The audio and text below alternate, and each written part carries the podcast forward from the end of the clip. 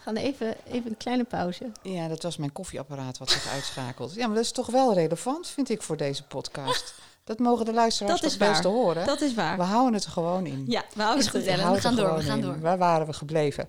Welkom bij Koffiecode Podcast. De podcast voor en door geneeskundestudenten. Waarbij wij, gewapend met een kop koffie, voor jou op pad gaan om interviews af te nemen met de leukste, interessantste en meest inspirerende artsen van Nederland. Dit is Koffieco. Hey Ko, ja wat doe je daar? Er staat een carrière voor je klaar. Maar je weet nog niet wat en waar. Een cappuccino maakt het minder zwaar. Dus zet je volumeknop omhoog. Want je luistert Koffie Co en je weet het zo. Papa, papa, para, para, para. Welkom bij Koffiecode Podcast, de special. Wij zijn Tessa, en Doris en in de special behandelen wij vakoverstijgende onderwerpen binnen de geneeskunde. Vandaag trekken we onze stoute schoenen aan en bespreken wij het thema seks in de spreekkamer. Ja, en dit doen we met niemand minder dan Ellen Laan, hoogleraar seksuele gezondheid en hoofd van de afdeling seksologie in het AMC. Klopt. Nou Ellen, welkom. We hadden het er net in de voorbespreking al even over. Seks in de spreekkamer. Dat bedoelen we natuurlijk niet letterlijk. Absoluut niet. Nee. Praten over seks in de spreekkamer. Bespreekbaar maken van seks in de spreekkamer, bij de dokter, bij de co-assistent. Dat is waar we het vandaag over gaan hebben. Dat gaan we doen, maar allereerst een belangrijke vraag. Want koffie, hoe drinkt u hem? Soja cappuccino, zonder suiker. En, en wat mij betreft graag je en jij zeggen. Oké. Gaan we proberen. Hm. Eh, deze aflevering gaat natuurlijk niet over koffie. Dus wij dachten, misschien, misschien is er wel een leuk bruggetje te slaan. Is er een relatie tussen koffie en seks? Ehm, jeetje, ik heb geen idee. Wat een vraag, hè? A- Als je van koffie houdt en het de sfeer verhoogt, dan kan er een relatie zijn met seks. Ja, want context en, eh, en, eh, en, en sfeer is eh, entourage is ook belangrijk voor leuke seks. Er Nou, is nog veel meer voor nodig, maar het is ook wel fijn als je in een goede context, als het een beetje veilig is, als je je lekker voelt. dus een kopje koffie eh, kan geen kwaad. Als je van koffie houdt, Van dan kan een kopje koffie absoluut geen kwaad. Oké, super. Ehm, waarom vindt u het nou zo belangrijk om, om dit eh, onderwerp bespreekbaar te maken onder een groep jonge dokters? Ja, ik was echt blij met jullie uitnodiging, omdat het eh, heel belangrijk is dat ook jonge dokters praten over seks. En dat komt omdat eigenlijk elke aandoening, elke medische aandoening, maar ook elke medische behandeling, een potentieel een negatieve invloed kan hebben op seks. En het is ontzettend belangrijk dat artsen wat direct zijn in het bespreekbaar maken van dat onderwerp, omdat patiënten het onderwerp net zo gênant vinden als de artsen die nog niet weten hoe dat moet.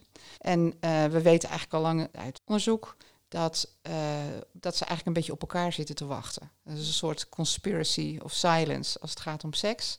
Waarbij, waarbij de, de arts vaak denkt, ja, als, als de patiënt echt een probleem heeft met seks, dan begint hij of zij er wel over. En, maar de patiënt doet eigenlijk hetzelfde. Nou, ik krijg geen enkele vraag over seks. Die mag ik dan waarschijnlijk toch hier niet stellen. En, en we weten dat de meerderheid van de patiënten met medische aandoeningen echt graag willen dat de dokter, het kan ook natuurlijk een, een, eh, een eh, verpleegkundige zijn, maar het liefst de dokter, die heeft meer autoriteit, dat die het gesprek over seks opent. Ja, dus het is eigenlijk de olifant in de kamer. Het is absoluut de olifant in de We kamer. willen vandaag graag met jou bespreken hoe Ja. we die olifant gaan we helemaal gaan bekijken. Gaan we helemaal bekijken. Ja, Voordat we dat doen, gaan we even terug in de tijd. Want wij zijn studenten, dus wij vinden het altijd voor onze gasten interessant om te weten hoe jij was als student. Als ik het goed begrijp, studeerde je eerst Nederlands en toen maakte je een switch naar de psychologie. Ja.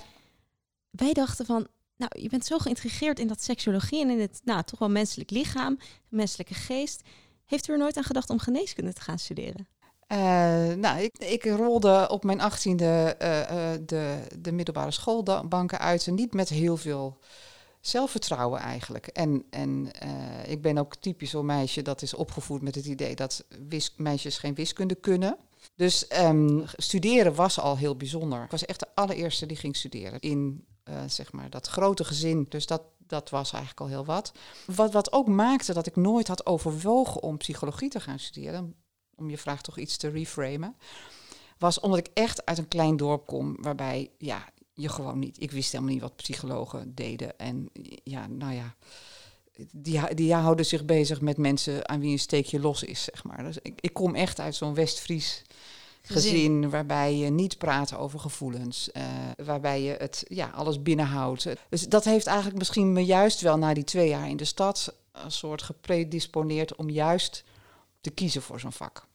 Dus uiteindelijk bij die psychologie terechtgekomen. Zeker, en ik ontdekte daar dus eigenlijk al heel snel, dit is voor mij. Dit is mijn vak. Ik had ook eigenlijk nooit gedacht, ik ben ook helemaal niet zo sekspositief opgevoed zelf. Uh, ik had eigenlijk ook helemaal niet gedacht dat je daar nou je beroep van zou kunnen maken. Dus dat was eigenlijk ook more or less uh, toeval. Uh, ik, uh, dat was wel in de tijd dat je als psycholoog nog een, een, jaar langer had dan nu. En in dat laatste jaar ja, deed je empirisch onderzoek, alle stappen van de empirische cyclus. Um, en in dat laatste jaar moest ik dus kiezen voor een onderwerp. Uh, en ja, ik wilde ook niet het zoveelste onderzoek doen naar depressie of angst. Want dat, is, nou, dat vond ik niet zo spannend. Maar we hadden toen net een nieuwe hoogleraar uit Utrecht, Walter Everaard. Um, en net de allereerste cursus seksologie was uh, in het curriculum opgenomen. En toen hebben we dat uh, onderzoek gedaan. En toen raakte ik ook echt gegrepen, A, door onderzoek doen. En B, door het vak uh, seksologie. Het is zoals het altijd gaat, hè, voor een deel op de juiste tijd, op het juiste moment er zijn. en, um, en een beetje geluk hebben. En daarnaast ook heb ik de gelegenheid gehad om nou ja, te ontdekken waar mijn talenten liggen. Want ik ben ook een behoorlijk goede onderzoeker geworden. En dat vak is zo ontzettend interessant. En juist ook omdat het iedereen aangaat. En zoals ik net al zei, iedereen met een medische aandoening heeft ook seks. De meeste mensen hebben seks. Uh, en toch praten we er niet over. En juist door het er niet over te hebben, uh, daar worden mensen ook zo ontzettend ongelukkig van. Er is, wordt heel veel geleden aan seksualiteit. En het, helaas wordt het als het gaat aan de, om de financiering nog steeds gezien als een luxe probleem. Hè. Ook de zorg die wij doen in onze polykliniek, hoe goede naam we ook hebben. We zijn een echt een gerenommeerd derde lijn centrum. We krijgen patiënten uit het hele land. Maar onze zorg, die door de psychologen wordt gegeven, we zijn een multidisciplinair team, maar de zorg die door de psychologen wordt gegeven, wordt door het ziekenhuis niet gedeclareerd. Want wij werken met somatische DBC's. Ik zie jullie echt heel, heel erg fronsen. Ja, dat klinkt gek ja. wat je nu zegt. Dus het is nog steeds niet zo. Dat zou eigenlijk bijvoorbeeld, we zijn gelieerd aan uh, gynaecologie, afdeling gynaecologie, al van oudsher. Sinds er eigenlijk een verandering is geweest, dat alleen artsassistenten en medisch specialisten somatische DBC's mogen openen. Dus al het, alle andere zorg in het ziekenhuis wordt gewoon niet meer door het ziekenhuis gedeclareerd bij de zorgverzekeraars.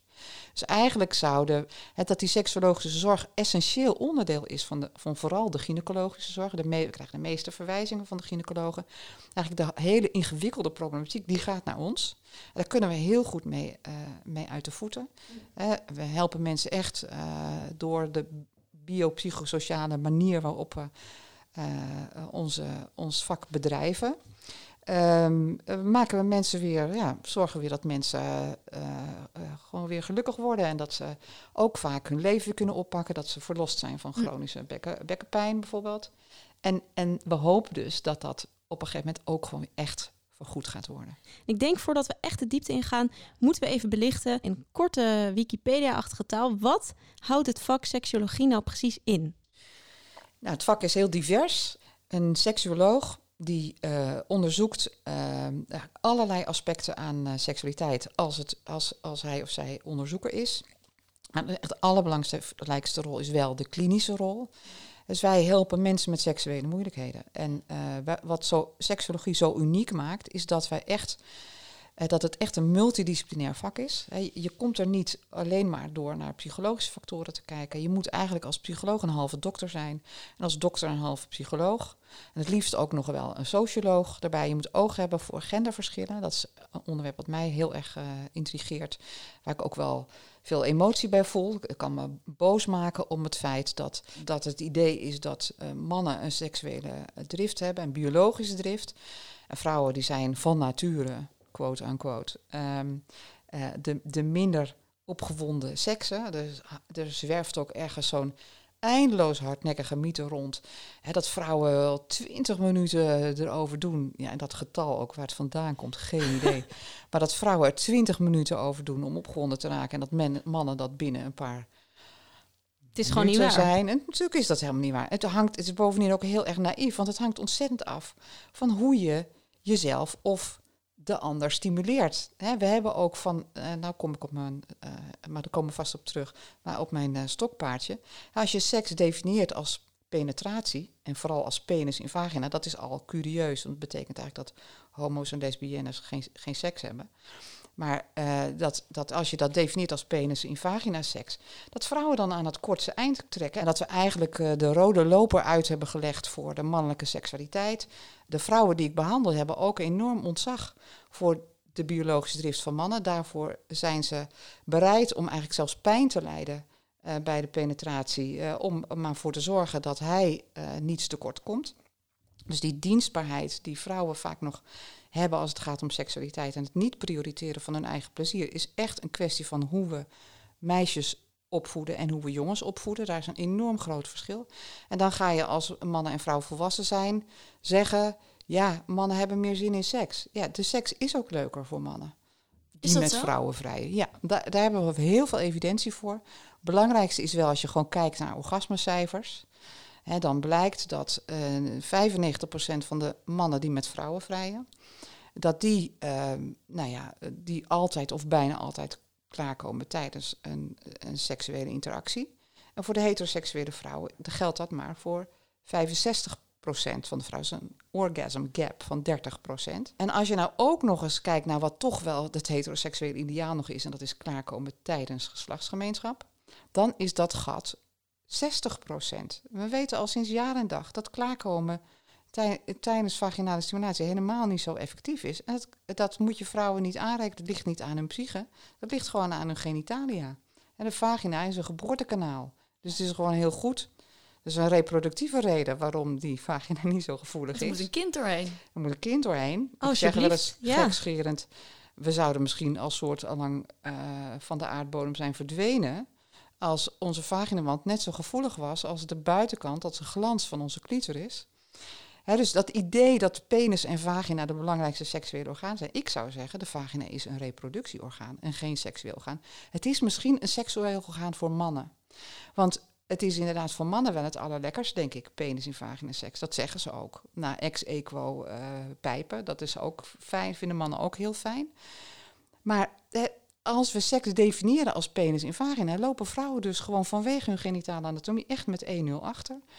En die uitleg, die krijgen de meiden niet in uh, de manier waarop we nu de seksuele voorlichting op de basisscholen en de middelbare scholen hebben ingericht. Het gaat over een banaan over een condoom moeten doen. Dat zendt de boodschap onuitgesproken dat mannen klaarkomen in vagina's, want anders heb je dat condoom dus niet nodig. Hè? Nee. Maar als je, als je dat, dat is dus een impliciete boodschap, die kun je niet ter discussie stellen.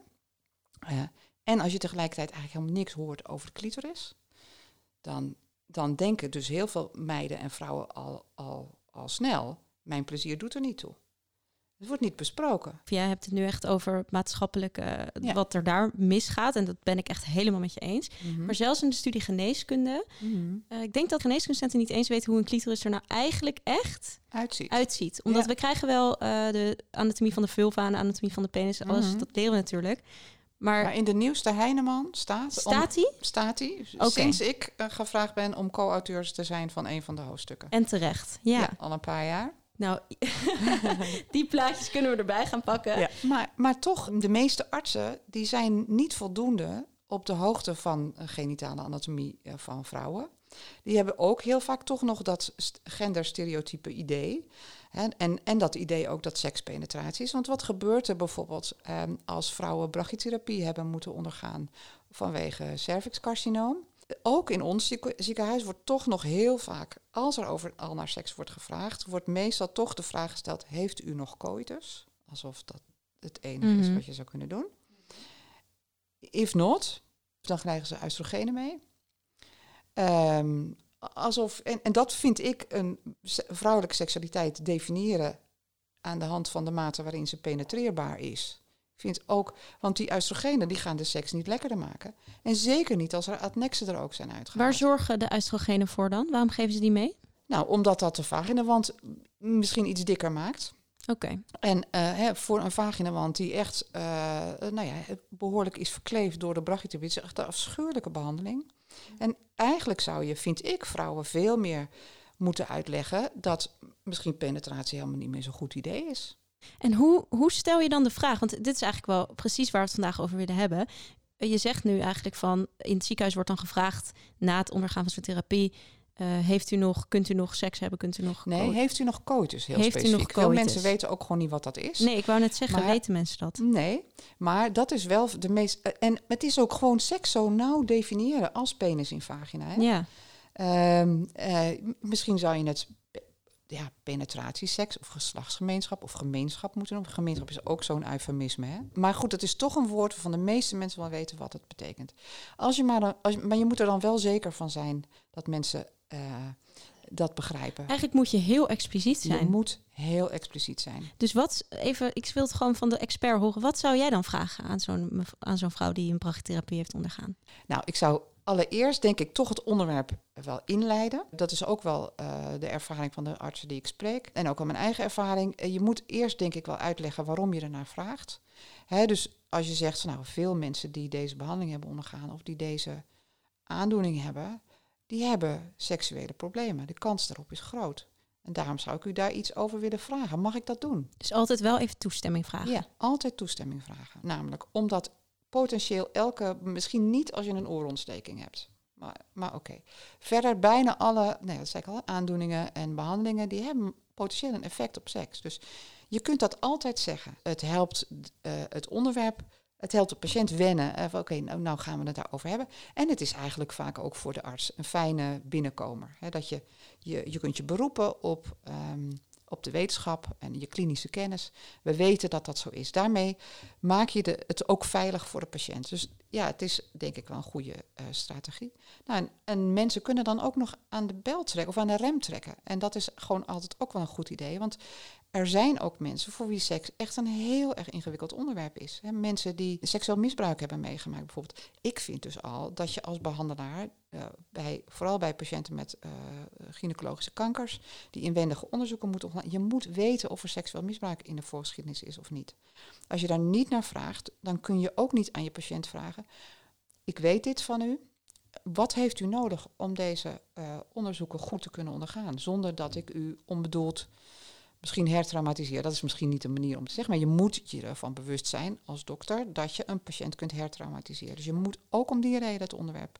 Maar vraag je dat dan aan iedere patiënt die er voor jou zit? Of maak je daarvan een, een inschatting? Je kunt dat niet inschatten. Je kunt dat gewoon niet aan iemands buitenkant zien. Dus eigenlijk zou je ook deze vraag, hè, als die relevant is voor de behandeling, eigenlijk altijd moeten inleiden. En dat kun je op dezelfde manier doen door te zeggen, voor de behandeling die we u zojuist hebben uh, die u moet ondergaan, um, nou, daarvan weten we ook dat dat soms voor mensen hartstikke ingewikkeld is.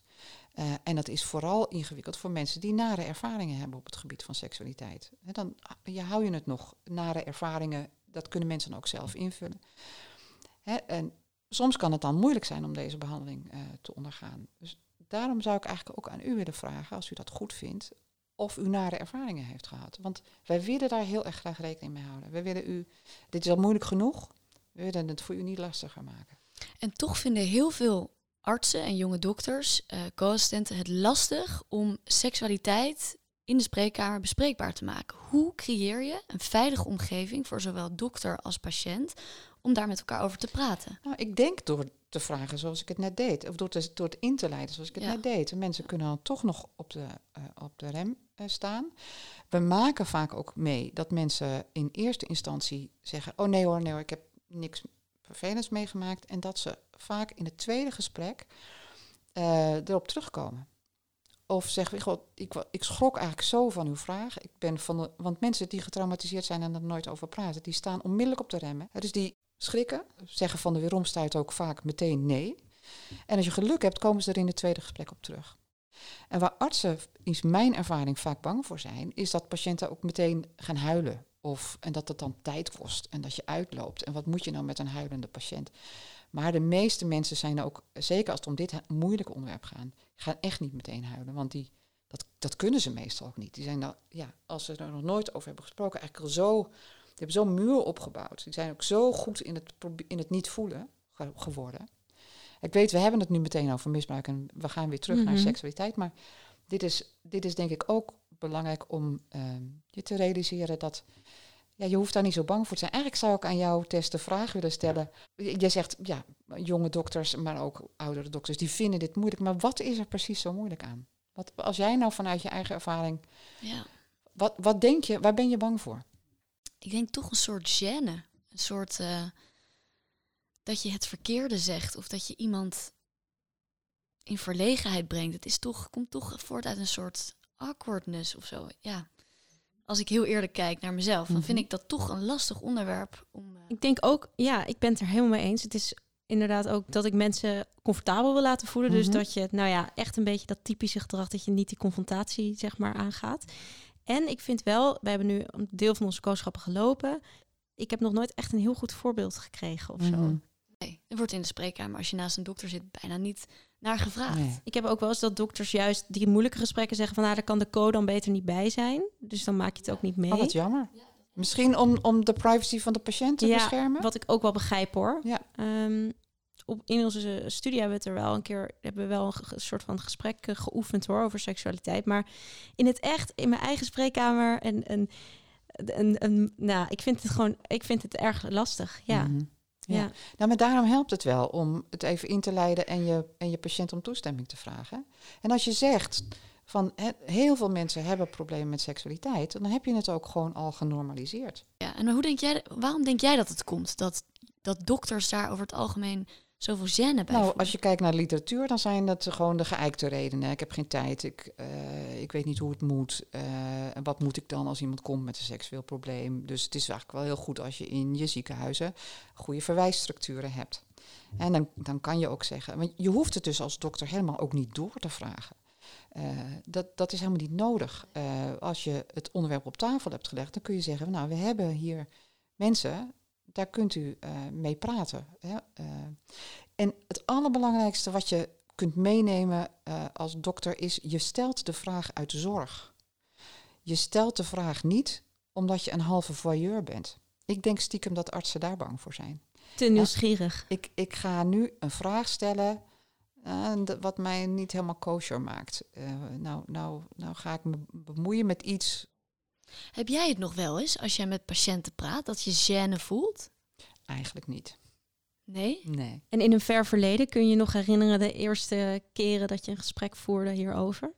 Eh, niet, het, niet meer het onderwerp seks. En dat komt eigenlijk omdat ik eerst, nou, ik ben natuurlijk eerst promotieonderzoek gaan doen. En toen, eh, ik gaf ook al veel lezingen. Eh, ik, ik, ik sprak er met mijn, met mijn proefpersonen over. Ik heb eigenlijk ook altijd alleen maar positieve reacties gehad. Wat dat betreft kan ik je gewoon aanraden om het te doen. Want dat weten we ook uit onderzoek. De meeste patiënten zijn je dankbaar dat jij erover begint. Want dan hoeven ze het zelf niet te doen.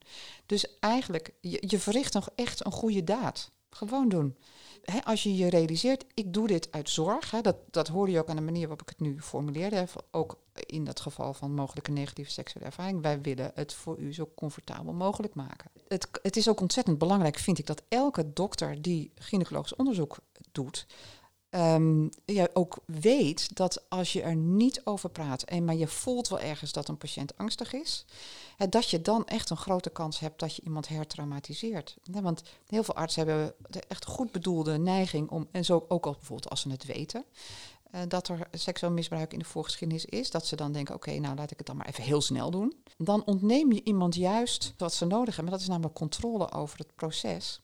Hè, dus je moet eigenlijk gewoon nou, net even iets meer tijd nemen door bijvoorbeeld ook uitleg te geven over welke stappen je nou precies gaat zetten. En ook per stap zeggen, oké, ik ga nu, eh, ik ga nu uw Mhm. labia aanraken. Schaamlippen vind ik echt zo'n stom woord. We moeten daar veel van lippen van maken. Hè, of ik ga nu spreiden. Eh, en dat je het niet, terwijl je het zegt, meteen al doet, maar dat je even je patiënt in de ogen kijkt en even wacht op dat oké. Dat ook van tevoren afspreekt. Want dan, dan houdt de patiënt controle op elk moment en dan kan ze ontspannen. Dit is in dit geval natuurlijk meestal een zij, Mhm. eh, als het gaat om gynaecologisch onderzoek. Dus het is, eh, je, je hebt een hele belangrijke rol te vervullen. Eh, en je houdt, eh, ja, je ontneemt de eh, patiënt de controle door, ja, door het maar even heel snel te doen. En dan heb je een grote kans op hertraumatiseren. Als dokter heb je dus een grote rol in de zorg voor een patiënt en je moet het de patiënt zo comfortabel mogelijk Ja. maken. Dat is Ik duidelijk. vind dat dat je taak. Want we vroegen aan u heeft u zelf wel eens die gêne gevoeld? Ja, dat, dat dat voelt heel lang geleden misschien Ja. voor u, maar kunt u het zich nog voor de geest halen? Nou, nou, eerlijk gezegd niet. Maar, en, maar ik kan dan nog wel iets vertellen wat, wat mij wel heel, heeft, ge- heel, er- heel erg heeft geholpen daarbij. We Graag. hadden het over die allereerste cursus seksologie, hè, mijn vijfde jaar van mijn studie, geloof ik. En ehm, wat hij vertelde was eigenlijk heel eenvoudig. Eh, hij zei, als je als zorgverlener niet normaal over seks kunt praten, dus de normale woorden gebruiken, dan zend je altijd aan de patiënt je eigen ongemakkelijkheid. Dus als jij er niet over kunt praten, als jij niet kunt praten over penis, eh, erectie, stijf worden, opgewonden worden, clitoris, gevoelens, eh, hoe voelt dat voor u? Dan, eh, dan, dan slaan patiënten ook dicht. Dan die, die, die merken meteen, eh, deze arts of zorgverlener, die vindt dit zelf een hele ingewikkeld onderwerp. Laat ik het hem of haar ook maar makkelijk maken en zeggen, nou, dit is, het is allemaal goed, hoeven we het niet over te hebben. Eigenlijk patiënt en arts proberen elkaar de hele tijd op, op hun gemak te stellen. Ehm, Ik denk dat dit het is. Ik denk echt dat dit het Ja. is Ja. voor heel veel dokters. Ja. Ja. Ja. Dat je toch het gevoel hebt van... eh, ik, ik voel me ongemakkelijk en ja. iemand anders merkt dat. En dan, Ja. Maar Ja. die bedoelingen, denk ik, die zijn goed. Je voelt je ongemakkelijk omdat je denkt dat je patiënt er ongemakkelijk mee is. Maar dat is echt gebleken niet waar te zijn. Patiënten zijn je echt dankbaar als jij erover begint. Want wat, wat doe je iemand nou eigenlijk aan? Hè? Je zegt, eh, we weten dat uw aandoening kan leiden tot seksuele problemen. Mag ik u daar wat over vragen? Want wellicht speelt het bij u ook. En misschien kunnen we daar wat aan doen. Oké, Als dus, patiënten ja, dan nee zeggen, dan zeggen ze nee. daar Dan kan je- erover ophouden. Dus tip, ik probeer even tip te- tips te verzamelen hoor. Het is inleiden, een goede inleiding ehm, en vragen om toestemming. Ja. En het is simpele, normale woorden gebruiken Normale om het te normaliseren. Ja. Oké. Ehm, ik merk dat ik bijvoorbeeld in de spreekkamer het makkelijker vind om over seks te praten met vrouwen. Mhm. Omdat ik zelf vrouw ben en het idee heb dat ik dat beter begrijp dan Mhm. met mannen. Heeft u Mhm. daar nog een tip voor? Ja, dat herken ik trouwens wel meer hoor, van, van vroeger. Eh, Yes. dat, dat, ik, dat, dat heb ik ook eh, zeker gehad. Weet je, de allerbelangrijkste tip is echt, ik zei het al, het gewoon wel te doen. Misschien kan je ook zeggen, eh, als dat je helpt om, om wat minder gespannen daarover te zijn. Van, voor mij is dit ook best een lastig onderwerp hoor. Maar we weten dat mensen zo, zoveel problemen kunnen hebben met seksualiteit. Dus daarom wil ik u daar wat. Ik kom weer op, dat, op datzelfde format eh, terug. Ja. Dus het doen eh, en daar positieve reacties op krijgen, is de allerbeste manier om zelfvertrouwen te krijgen. En hoe is dat dan voor een jonge co-assistent? Je zit daar tegenover bijvoorbeeld een ouderstel. Ja. Dan voel je ook een soort afstand van... ga ik hier nu als jong groentje eh, u een vraag stellen over uw seksleven? Ja. Heb je dat? Nou ja, ik denk dat, dat kennis ook heel erg kan helpen om over je eigen gêne heen te stappen. Want mijn ervaring is dat oudere mensen eh, heel graag over seks praten. De, de, de mate waarin mensen seksueel actief zijn neemt wel af met leeftijd natuurlijk. Maar eh, ik, ik hoor vaker eh 80-jarigen in mijn spreekkamer eh, een beetje boos zeggen... verdorie, de arts is er helemaal niet over begonnen, dus ik heb het zelf maar gedaan. Dus dat idee dat oudere mensen geen seks hebben die idee dat oudere mensen niet durven te praten over seks is echt een vooroordeel. En, en ik denk dat, dat, eh, dat je van jezelf van dat vooroordeel af moet helpen. We hebben het nu gehad over hoe je het aan de orde moet stellen, Ja. hoe je het gesprek moet beginnen. Ehm, hoe, gaat het, hoe gaat het in zijn werk met de vervolgvragen over Ja. seksuele problemen? Nou, als mensen zeggen, eh, nou, ik zou daar wel eh, over willen hebben, eh, zou je kunnen beginnen met uitleggen wat je weet over de meest voorkomende seksuele problemen die er zijn. Hè, ehm, Welke zijn dat? Nou, het hangt natuurlijk van de aandoening af. Maar eh tel, we nemen een man met, eh, met prostaatkanker die eh, bestraling moet ondergaan. en dan zou je bijvoorbeeld kunnen zeggen, nou, er is een grote kans dat u uw vermogen om een erectie te krijgen verliest. Dat het moeilijker wordt om opgewonden te raken. Ehm, en we weten ook dat dat voor mannen heel, de, ve- veel mannen heel lastig probleem is. Ehm, eh, wat, wat, we wat we weten dat artsen ook ingewikkeld vinden, is juist zo'n negatieve boodschap geven, omdat dat kan werken als een self-fulfilling prophecy. Ehm, ehm, maar je kan eh, vaak ook als je, maar daarvoor moet je dus echt in je curriculum wat kennis over seksualiteit eh, hebben. Want in dit geval zou je ook, eh, als je weet dat ehm, er soms met Viagra nog wel wat mogelijk is als het gaat om, om een, een, ondersteuning te krijgen bij het opgewonden worden en het, een erectie krijgen. maar dat het soms ook zo kan zijn dat je nog steeds heel fijne opwinningsgevoelens kunt hebben of nog steeds een orgasme kunt hebben, ook al heb je geen volledig stijve penis meer. Dus uh, het is juist ook belangrijk om het aan de orde te stellen, uh, omdat er vaak nog wel wat te doen is. En ook patiënten, net als artsen, als je het idee hebt dat seks penis en vagina is en je hebt dan geen erectie meer, dan lijkt dat het einde van de seks. Maar je kan ook mensen, mensen kunnen ook leren om op een andere manier en met andere seksuele activiteit te leren nog steeds fijne gevoelens te hebben. Heb je nou een voorbeeld van een patiënt die, met, die zich op een bepaalde manier presenteerde in jouw spreekkamer, waar je doorheen wist te prikken en wat je uiteindelijk voor die persoon hebt kunnen doen? Ja, nou dan moet ik eerlijk toegeven dat ik dat door het probleem in, uh, heen prikken vaak niet hoef te doen, want mensen worden al verwezen. Hè? Als, uh, als mensen naar, op mijn spreekuur staan, dan is er al vaak een arts of een psycholoog geweest die het onderwerp aan de orde heeft gesteld. Of mensen zijn rechtstreeks door de huisarts verwezen naar ons. Dus er staat al een seksueel probleem op uh, de verwijsbrief. Ja. ja. dus in die zin uh, hebben wij het eigenlijk makkelijk. Dat is eigenlijk bijna oneerlijk, maar zo is het nu eenmaal. Als je dus echt bij een, een gespecialiseerde poli zit, dan hoef je dat voorwerk eigenlijk niet meer te doen. Dus wat jullie uh, kunnen doen, is ongelooflijk belangrijk. Um, maar we hebben ook wel een andere voordeur. En misschien kan ik dan dat voorbeeld geven. Wij zijn ook psychosomatische gynaecologie. Dus wij zien ook vrouwen, maar ook mannen. Uh, met chronische uh, pijn uh, of met moeite met plassen en ontlasten, omdat ze een overactieve bekkenbodem hebben. En uh, dan is het uh, vaak, hè, wij, wij zijn in de volksmond in het ziekenhuis de seksuologen, de seksologie. En het zou al wel heel erg helpen als ze zouden zeggen, je kunt ook bij deze mensen terecht uh, met uw klachten. Maar wij weten ook dat mensen met chronische uh, bekkenpijn of met uh, pijn in het scrotum uh, of pijn bij het plassen, is dat die vaak ook seksuele problemen hebben. Want als je een overactieve bekkenbodem hebt, dan is het ook gewoon veel moeilijker voor dat genitaal om door bloed te raken. Zelfs al zou je alles goed doen, aan stimulus, context, praten over seks. En dan nog kun je een seksueel probleem hebben, omdat die bekkenbodem zo gespannen is. Dus dat zijn wel situaties waar we vaak seks wel weer aan de orde stellen. En dan vragen we daar gewoon, hoe gaat het met seksualiteit?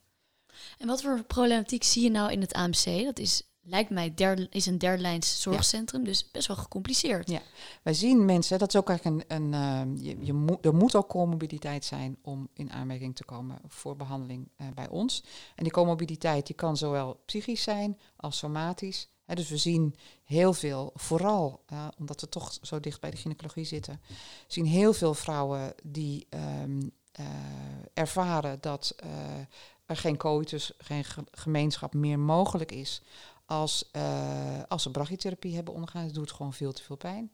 We zien ook vrouwen die zonder gynaecologische behandeling uh, met pijnproblemen komen. Dus we zien, dat is een van onze uh, specialismen, um, dyspareunie, pijn bij penetratie.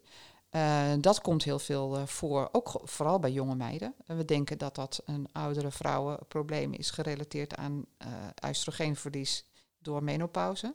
Maar er zijn minder postmenopausale vrouwen die pijn hebben bij gemeenschap dan jonge vrouwen.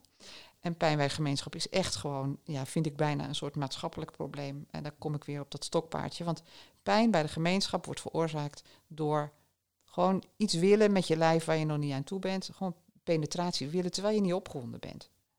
mannen kunnen dat niet, worden beschermd door een anatomie. Maar goed, dyspareunie is dus een belangrijk aandachtspunt waar ze al gemiddeld vijf jaar voor bij de artsen uh, um, in het somatische circuit zijn geweest. Um, en die te maken hebben met overactiviteit van de bekkenbodem. En daar zit heel vaak zitten daar psych psychologische trauma's in vast. We, inmiddels hebben we ook zo'n naam dat we uh, mensen die uh, al bijvoorbeeld in de GGZ uh, uh, traumabehandeling hebben gehad en dan iets, nog iets met seks willen, die komen ook bij ons. Um, ik heb wel eens meegemaakt bij mijn bij een kooschap dat iemand kwam met een, uh, met een probleem bij de huisarts dan. En dat helemaal aan het einde van het gesprek echt zo'n deurknopvraag nog kwam. Mhm. Van uh, trouwens, ik heb ook moeite met een erectie krijgen. Zeg maar helemaal op het einde als huisarts ook totaal niet uh, wetende dat die vraag er was, dat dat Mhm. speelde. Iemand kwam, komt letterlijk met een oorontsteking. Mhm. En toch blijkt er nog iets anders te zijn. Mhm. Ehm, dus er is bij dat, ik weet niet, ik vond het zo'n opmerkelijke situatie dat patiënten het dus ook heel spannend vinden en Ja. tot het allerlaatste bewaren. Ja. Maar hoe kan je als arts, je kan niet als arts bij elke klacht inschatten, er zit nog een seksvraag onder. Nee. Wat zijn nou de topklachten waarbij je dat wel moet weten of zo? Weet je, het zou gewoon een standaard onderdeel eh, van je anamnese moeten zijn. Eigenlijk bij elke discipline. Nou, misschien niet als je komt met een oorontsteking of een, eh, bij de cardioloog komt. eh, daar zijn vaak mensen bezorgd over. Hè, kan ik nog wel seks hebben? Ehm, Om mijn hart slaat op hol? Ja, om, mensen zijn vaak angstig om seks te hebben als ze een hartinfarct hebben gehad. Maar vergis je ook niet in de medicatie die jullie voorschrijven. Hè? Bijna alle medicatie heeft invloed op seksueel functioneren. Hè, dus ehm, eh, het is belangrijk dat je mensen daarop wijst. Hè. Het kan zijn dat u ook problemen krijgt met seksualiteit als, eh, als u deze medicatie eh, hebt. En als dat bij u zo is, eh, kom ermee. Uh, kijk, kunnen kijken wat we eraan kunnen doen. Want voor bijna ieder mens is seks belangrijk. Bijna ieder mens heeft seks. Uh, om jullie nog wat meer gerust te stellen. We weten uit het panel van chronisch zieken, onderzoek door het NIVEL, dat zij voor hen seksualiteit levensprobleem nummer één is. We weten uit onderzoek van uh, NFK, de Nederlandse Federatie van Kankerverenigingen, dat die hebben mooi onderzoek ook gedaan dat uh, zeker wat langer na dat, dat ook in het eerste jaar na de behandeling seks op probleem nummer drie staat. Um, zo vijf tot tien jaar na de behandeling op, op nummer twee. En zo tien, vijftien jaar na de behandeling op, op nummer één. Dus die seksuele problemen die gaan ook niet weg. Uh, en naarmate andere problemen minder worden, ja, stijgt seks zeg maar in de, in de top drie tot, tot nummer één.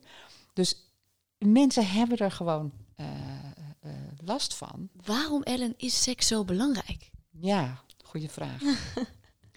nou, seks is denk ik belangrijk um, omdat het ons helpt om, nou, omdat het plezierig is. Omdat het, uh, wij, het is natuurlijk belangrijk voor reproductie, maar ja, waarom we het zo vaak doen, heeft natuurlijk niks te maken met de reproductie, want we doen het veel te vaak voor onze kinderwensen. Anders zou je er ook gewoon mee kunnen stoppen als je geen kinderen meer wil. Maar het, het, het maakt dat we um, ons ja, dat we ons verbonden kunnen voelen met, uh, met iemand anders. Het is ook gewoon lekker.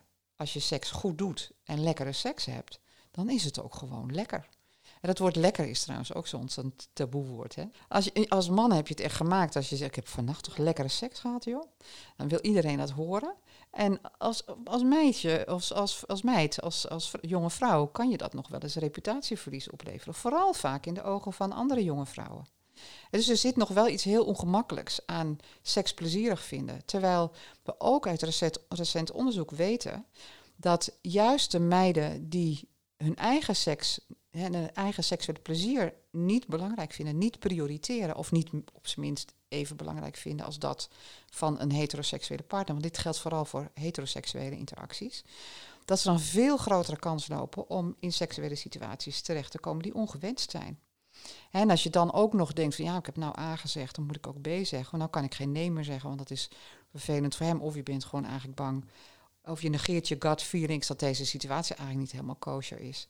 En, dan kan je ook ja, niet nee zeggen, omdat je bang bent anders het niet zonder kleerscheuren ervan af te brengen. Maar we weten dus je eigen plezier niet minstens even belangrijk vinden dan dat van een potentiële partner. Het onderzoek waar ik het over heb is in een dating setting, een Amerikaanse studie, heel recent.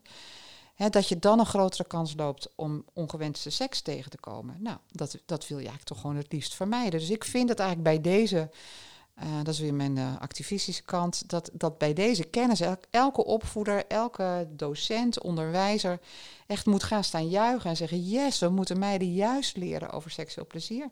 Want dat beschermt. En dat doen we niet. Dat doen we echt toch nog steeds niet. En dat is, als ik dan aan mezelf en mijn doktersrol denk, dat Mhm. lijkt mij ook een hele belangrijke rol voor een huisarts. Ja. Dat is de plek waar meisjes, jonge meisjes komen om te vragen of ze aan de pil mogen Ja. of whatever. Ja. Dus voor de huisarts is dit eigenlijk heel belangrijk. Ja. Wij zijn ook heel blij dat we steeds meer huisartsen in opleiding, dat die een tijdje met ons mee willen lopen. Oh, dat gebeurt ook. Ja, ja, we hebben heel veel, in ons MDO altijd heel veel mensen aan tafel. En niet alleen onze vaste staf, die is niet zo groot, maar eh, we hebben allerlei soorten opleidelingen. En waaronder ook eh huisarts, huisartsen in opleiding. Dus vorige week nog weer nieuw iemand bij ons begonnen. En met wat voor reden Zij- zitten ze daar? Die willen echt graag zich bekwamen in de seksologie, omdat ze weten dat het een belangrijk onderwerp is. hè. Dus die willen snappen eh, nou ja, hoe seks werkt, die willen weten hoe praat ik erover, die willen bekend raken met complexe eh, eh, problematiek. En dan zijn ze bij ons aan het goede adres. Wat nou als je als huisarts, het kan dat je als huisarts dit ontzettend leuk en interessant onderwerp vindt en Mhm. dit ligt je. Het kan ook dat je zegt, ik ben huisarts geworden echt om hele andere redenen. Ja. Ik vind dit zo lastig. Wat is dan de stap naar doorverwijzen? Dan moet je nog steeds het onderwerp ter sprake brengen. Daar Ja. ontkom je gewoon Nee. echt niet aan. Nee. En, en echt, het is geen rocket science, mensen. Echt niet. Je hoeft gewoon echt doen. Wat overigens wel zo is, is dat wij nog steeds merken, dat merken we ook binnen het ziekenhuis, dat een verwijzing naar een seksuoloog eh, vaak echt een enorme hoge drempel is voor patiënten. Die denken, ah, denken, nou, het is niet zo erg. Of toch ideeën hebben dat ze het bij de seksoloog bijna voor moeten doen. En nou ja, waar jij mee begon eh, aan het begin van deze podcast. Hè, seks in de spreekkamer is niet het doen, maar praten over. nou, eh, eh, dat is bij de seksuoloog niet anders. Exact, dat is bij de seksoloog niets anders. Dus d- die drempel is er nog wel. Daarom zijn er bij de, daarom zijn er tegenwoordig ook wel consulenten seksuolo- seksologie, hè, laagdrempeliger. Maar goed, een POH is natuurlijk nog laagdrempeliger. En als er echt een, eh, een, een, een probleem is waar gespecialiseerde zorg voor nodig is, dan kan zo'n verwijzing alsnog gebeuren. Dus een POH kan dat doen, maar dezelfde rol kan een verpleegkundige hebben op een afdeling eh, in een ziekenhuis. En die doet eh, vaak in de praktijk ook wel de gesprekken over seksualiteit. Daar is gelukkig onder verpleegkundigen ook steeds meer aandacht voor. Kan je nou ook als, als dokter seksuoloog worden? Ja, zeker. Ja, je kan eh seksoloog en VVS eh, worden. Overigens is eh seksoloog nog steeds geen erkende term. Hè? Het is geen erkend beroep, helaas. Iedereen mag zich seksoloog noemen. Maar er, is wel een hele goede postdoctorale beroepsopleiding. Dat is eigenlijk een opleiding die is eigenlijk opgezet door de beroepsvereniging, de Nederlandse Vereniging voor Seksologie. Dus je kunt een opleiding doen in Amsterdam en je kunt een opleiding doen in Utrecht. En dat zijn altijd gemengde opleidingen. Dus zodra je je BIG registratie hebt, dan zou je als arts die opleiding van twee jaar kunnen beginnen. Eh, niet fulltime natuurlijk, het is ook in de avonduren, je kunt, er, je kunt ernaast werken. Maar er zijn heel veel, zelfs specialisten inmiddels al, die die opleiding eh, volgen. Daar zit ook een registratietraject eh, aan. Eh, maar dat is een, eh, in Amsterdam althans ook een gemengde eh, eh, eh, opleiding qua eh, deelnemers. Want daar zitten zowel psychologen als artsen in, zodat ze ook van elkaar kunnen leren. En dat hoort ook bij de visie dat seks een biopsychosociaal fenomeen is. Dus ja, terug even naar je vraag. Mensen kunnen inderdaad, eh, artsen kunnen seksoloog worden. Wat ik nog een heel leuk onderwerp vind, Ellen, om te belichten, is, is eh, de activistische kant van jouw bestaan, als ik het zo mag Mhm. noemen. Want jij, wat jij doet, volgens mij, is jij maakt een vertaalslag van jouw werk, van de dingen die je ziet. En die probeer je ja, aan te kaarten in het Mhm. maatschappelijk debat. In Ja. dit geval seksuele gelijkheid, als ik Ja. dat goed zeg. Hoe komt het nou dat je die activistische rol op je eh, hebt willen nemen? En moeten meer artsen of in ieder geval mensen in deze professie dit ook gaan doen? Antwoord op de laatste vraag ja. Oké. The more the merrier, zou ik zeggen. Ehm, wa- wat ik ontzettend belangrijk vind om seksuele gelijkheid aan de kaak te stellen, is nou A, omdat we eigenlijk gewoon uit de wetenschap weten dat steeds meer dat mannen en vrouwen vooral gelijk zijn. En helemaal, er is echt helemaal geen bewijs voor zoveel verschil. Hè, de, eh, de meest recente fMRI-studie, daar blijkt uit dat mannen en vrouwen breinen even sterk reageren op visuele prikkels, om maar wat te noemen.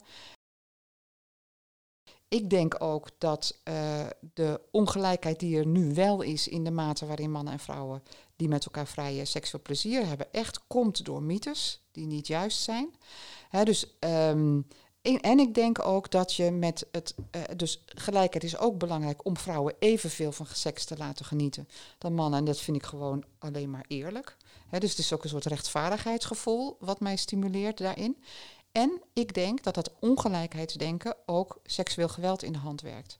Dus om seksueel geweld te voorkomen, moet je niet alleen leren meiden nee te zeggen. Je moet eigenlijk ook vooral leren hoe ja voelt. Dan kan je ook trouwens beter nee zeggen. Dus weer eh, voorlichting gericht op plezier. We weten ook dat eh, als je.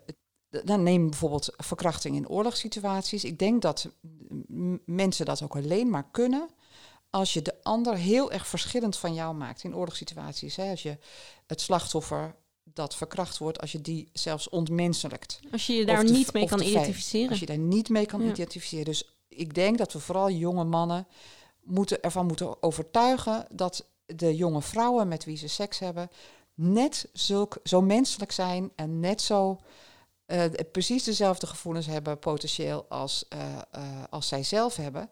Hè, dus dat, dat het vanzelfsprekend moet zijn dat je seks hebt met consent. Ik denk dat we meiden ook moeten leren hè, dat, ze, dat ze niet heel erg beleefd hoeven te zijn. We moeten meiden in de opvoeding ook hun boosheid niet afnemen, want die boosheid kan ook beschermend werken. En ik denk dat we jongens ook moeten leren dat ze kwetsbaar mogen zijn, dat ze niet alles hoeven te weten, dat, ze, dat, het, dat het helemaal, dat het echt volstrekt onmogelijk is om te denken dat je gewoon gewapend met kennis over vrouwelijke seksualiteit niets meer aan je sekspartner hoeft te vragen. Want iedereen is weer anders. Iedereen wil weer wat anders. Dus je moet echt leren praten over seks. Dus seks, seksuele voorlichting moet ook echt altijd in gemengde groepen eh, plaatsvinden. Niet zoals als je ten broeke ooit mooi schreef in een krantencolumn. Hè, als het gaat om eh, eh, seksueel geweld voorkomen, nou, dan gaan de jongens voetballen op het schoolplein en de meiden leren hoe ze nee moeten zeggen. Seksueel voorkomen van seksueel geweld moet niet gaan over weerbaarheid en nee zeggen, maar over ja zeggen. En meiden eh, volledig de ruimte ook laten, eh, eh, laten innemen. En dan, dan ja, ruimte innemen in bed en ruimte innemen bij het vri- vrije is wat vrouwen nog te weinig doen. Ik denk dat deze boodschap voor elke luisteraar, ook al is het een dokter of, of niet, Ja. een hele belangrijke is. Dokters zijn net mensen, hè? Dokters hebben ook seks. Precies. Laten we hem daarmee afsluiten. Het Denk lijkt, ik ook, me, het lijkt me een hele mooie boodschap. En we eindigen eigenlijk altijd onze aflevering met een laatste tip, echt de gouden tip in uw, nou in al, alle tips die u al gegeven heeft voor co-assistenten en voor aanstaande dokters. Wat zou jij nou aan deze generatie dokters willen meegeven? Maak contact met je patiënt. Zet daar vooral op in.